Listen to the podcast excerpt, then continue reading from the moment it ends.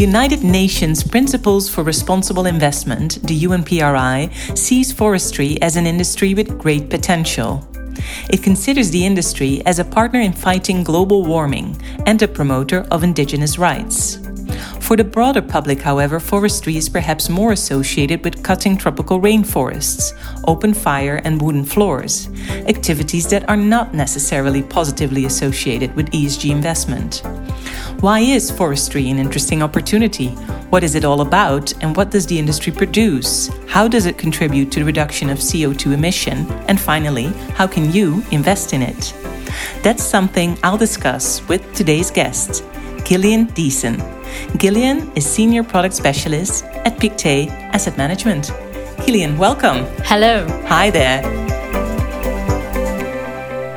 Gillian, before we dive into today's topic, would you perhaps uh, mind introducing yourself to our listeners? Absolutely. I'm Gillian. I'm the client portfolio manager for the timber strategy at Pictet Asset Management based in Geneva. I'm Norwegian by heritage, so I guess forests are at least in my blood um, or close to my heart. Wonderful. Would this interview even be possible without wood? Well, uh, the air we breathe is, is much better thanks to the forest. Uh, but I'd say my house, my desk, the paper I'm making notes on, even the clothes I'm wearing, um, that's all thanks to the forest. Right. We should be grateful.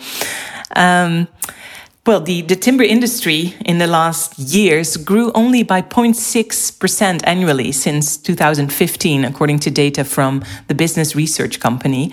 So, why is it that investors should be interested? Well, we believe that there are a lot of opportunities along the entire timber value chain, um, which accounts for around 2 trillion US dollars in terms of opportun- investment opportunity set across some 200 or so companies. Um, this number of companies is growing as they spin off new ventures. Um, they're growing in terms of creating new materials and new end use products um, as these things gain industrial scale and we use wood fiber more and more. Uh, we can look at even some of the major FMCG companies like the Nestle's and the Danones and how they have pledged billions of euros uh, for finding alternatives to single use plastics. Uh, we can look at the Nordic countries uh, and policies on using biofuels as a percentage of fuels. Uh, we can look at the EU Green Deal and some of the uh, US Biden administration policies as well that are feeding into more sustainable industry and more sustainable lifestyles. Uh, today, we take wood for granted, uh, I say. So much of it is around us, um, and so much of the things around us are thanks to a tree. Most of the time, we don't even realize uh, how much of it it is, whether it's viscose that we wear, xylitol in our chewing gum, uh, every brown box that comes to our door, uh, thanks to online shopping. All of these are thanks to wood fiber. So for us, it's, it's quite a sizable investment opportunity that is really at an inflection point for growth. Uh, you have consumer demands, uh, government policy, and technology really starting to align uh, for future growth in this area. So, listening to you, it sounds like there's a lot of perspective. Um, could you tell us what the industry entails exactly? What kind of products and what kind of solutions uh, should one think about? Absolutely. Well, if you think about the timber value chain, it's really the timberland, the forest at the heart of this. And then you have essentially the industrial applications. So how you transform uh, this forest and this raw material of wood fiber into other end products, which might be uh, construction materials for our homes, packaging uh, for those cardboard boxes from Amazon, hygiene products from toilet paper, tissue paper, masks, even, uh, but also biomaterials. So these are things like biofuels, textiles, um, new forms of chemicals. Essentially, everything that we make from oil, we can make from a tree because it has a very similar molecular structure. Um, and that's something that companies are really innovating in today. Uh, so you have both the timberland, uh, the, the sort of transformation of that, and then finally all these different end products. Amazing. Uh, what is the nature of the competition in this industry? And in other words, what are the growth factors? Well, uh, some of these growth factors, um, as I mentioned, are, are really about uh, the innovation that's been happening in terms of biofuels and biomaterials and new end products using wood fiber. Um, so some of those growth areas I mentioned in terms of finding alternatives to plastics, uh, alternatives um, for packaging solutions made from wood fiber uh, that might be more sustainable, but also alternatives to fossil-based fuels. Uh, so these are really um, high growth potential areas for timber and timberland companies. Um, the champions for us uh, are going to be those with access to the raw material, to wood fiber, to the forest, and the means to transform it into these new end products. Um, Gillian, we, we mentioned it in the introduction already. Forestry isn't necessarily positively associated uh, with ESG. However, since the 90s, the risks were mitigated by an advanced industry led certification process. So, what is the link to ESG investment here? Yeah, absolutely. I mean, sustainable forestry has been around for a very long time. Uh, some 250 years or so ago, foresters in Europe really developed this concept of sustainability, which is really harvesting not more than can be replanted or that can grow back naturally. Um, it's true that the industrial forestry um, sector has made big step forwards, um, especially if you look at the early 1990s with the emergence of certification schemes, uh, both for their forestry operations as well as their industrial operations. Um, so closed loops in, in pulp and paper mills, for example, um, energy self-sufficiency, uh, and, and so on. Um, so this has really been uh, advances we've seen uh, in, in recent decades.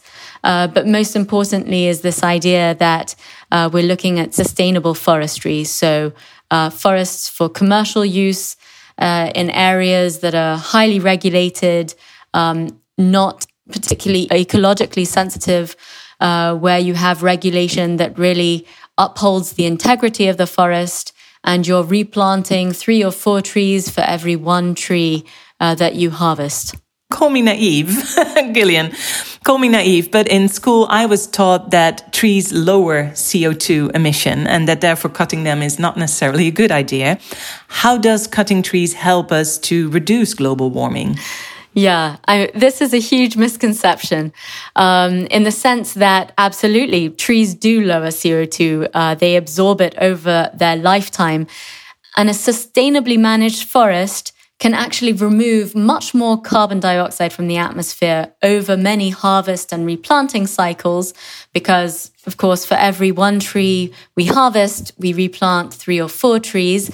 Um, and you can actually optimize this carbon sink of the forest if you're managing the forest uh, rather than an unmanaged forest because younger forests grow faster, they absorb more carbon. Um, and uh, at the end of the day, you have this enormous substitution effect that adds up over time because every time you harvest a tree, uh, you're giving it a second life as another product uh, in which that carbon is remains stored uh, over the lifetime of that product. So, for example, we take a tree, we harvest it, uh, we use the lumber to build a wooden house um, that carbon that's been absorbed by the tree over its lifetime uh, will then be stored in your house essentially until it burns down. So that's a huge substitution effect um, as well of using wood products as opposed to other traditional building materials, for example, in, in that example. Um, ultimately, it's estimated that some 20% of all of Europe's CO2 emissions can actually be offset uh, by Europe's forest industry. Hmm. But the key is the replanting you mentioned. Exactly. It's sustainable management. So uh, for each tree, you have an end use in mind. Um, when you're harvesting it, and for each tree you're harvesting, you're replanting three or four. Right, right. The UNPRI sees forestry as a growing industry that can make a difference to the S of ESG. How does forestry contribute to the social factor of ESG investing? Yeah, the, the the the sort of environmental aspects of forestry tend to be a lot more obvious, um, and they're they're a lot easier to measure, I guess, in many cases. Uh, but you're also looking at forestry providing a lot of jobs in in rural areas. Um, you're also uh, providing land actually for things like hydro, wind, other sustainable energy products, projects for a cleaner environment because these forest areas tend to be so huge. Um, you're also looking at um, the more general, I guess, at an individual level, the the mental health benefits of a forest. Um, I think after having spent more than a year, many of us in our homes, uh, we're starting to see a lot more research come out of you should spend at least an hour a day outside in nature. Um, and, and, the sort of positive effects that that has uh, on our health and our, and our well-being. Uh, so there are definitely some social uh, positives there from forestry as well. Not to mention, of course, um, the sort of more sustainable lifestyle and uh, the, the benefits of, of living in, in healthier surroundings, um, healthier uh, sort of houses, um, more ecological um, and an improved indoor atmosphere. Mm. Can definitely say that the last year has changed our perspective so much, right, when it comes to this. Um, Gillian, if I were interested in investing in forestry, what should I do? You mean how would you invest? Yes. Give me tips. Well, uh, there, are, there are several ways in which you could potentially invest um, in forests or timberland. Uh, one way is uh, through the private markets. So, private equity timberland would allow you access um, over time to a portfolio of timberland real assets. Um, this, however, it, it's not very liquid. Uh, you tend to have to lock your money up for 10 or 12 years at a time. Alternatively, you can go to the public markets um, to invest in timberland. So um, you have strategies that are active and you have strategies that are passive, that invest essentially in the stocks of companies that manage timberlands um, or that are active downstream in the timberland value chain. So in hygiene products and packaging and so on. In the public markets, these tend to be much more volatile, but also much more liquid uh, than you would find in investments through the private markets. Um, but you also uh, allowing for a sort of diversified portfolio really from day one. You can invest in really large timberland companies that have a very diversified portfolio of timberland across different geographies, across different tree species um, but also across different industry segments. Um, and you have not only uh, exposure to real assets, which is that timberland portion of the forest, but also to these companies' industrial activities, um, because many of them tend to be vertically integrated along the value chain. So, really, it's private markets or public markets. Right. And I'd also like to look uh, at uh, active versus passive, uh, because one of the most important competitive drivers are expense ratios, and those tend to be lower in passively managed funds.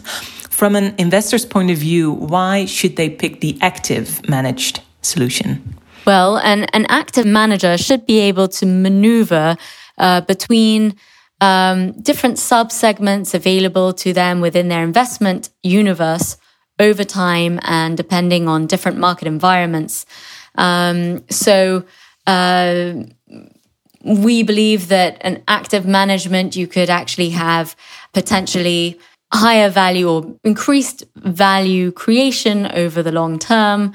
Um, and you can better maneuver yourself uh, through different market cycles uh, and market environments. Um, so that's really the the sort of trade off, uh, I guess, for those expense ratios. So, Gillian, tell me what sets your strategy at Pictet apart from the competition? Well, we're really one of the only ones in this space, actually, um, that we know of. So, the only actively managed fund uh, investing in publicly listed equities across the timber value chain. It's a 13 year old strategy run by a forester. So this is a lot more than just the numbers. Uh, we need to go look at the forest itself, see it um, touch the soil, uh, feel it. So it, it has a very sort of personal aspect as well. Um, and I think Pictet itself, you know, we're long term investors. We see ourselves more as partners of the companies that we invest in as opposed to stock traders. Um, we want to hold our positions over a long period of time, uh, try to help these companies improve uh, in any way that we can, uh, and ultimately have try to have a, a positive contribution to to the environment uh, to society and, and ultimately to mitigating some of these really major global challenges that we face today. Thank you very much, Gillian, for teaching me more about timber.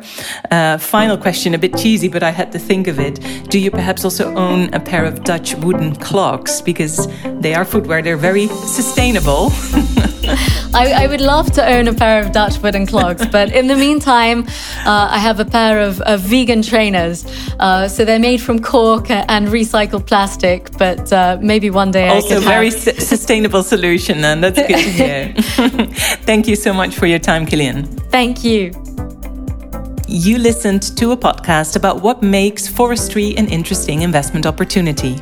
I would like to thank today's guest, Gillian Deason, Senior Product Specialist at Pictet Asset Management, for her time and her insights. This podcast was offered to you by Pictet Asset Management.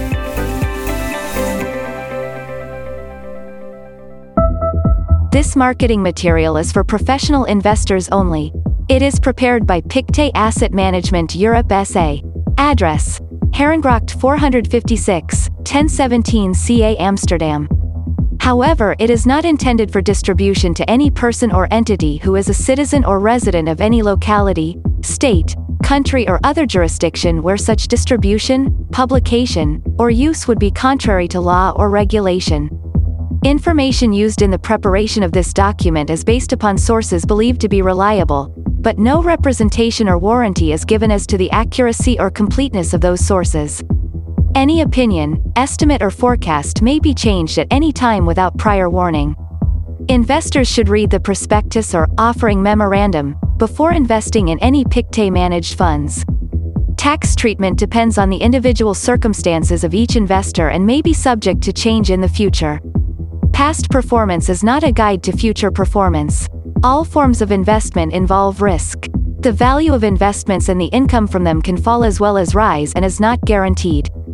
You may not get back the amount originally invested. For information about personal data protection, please refer to the Pictet Group's privacy notice, available on our website, am.pictet.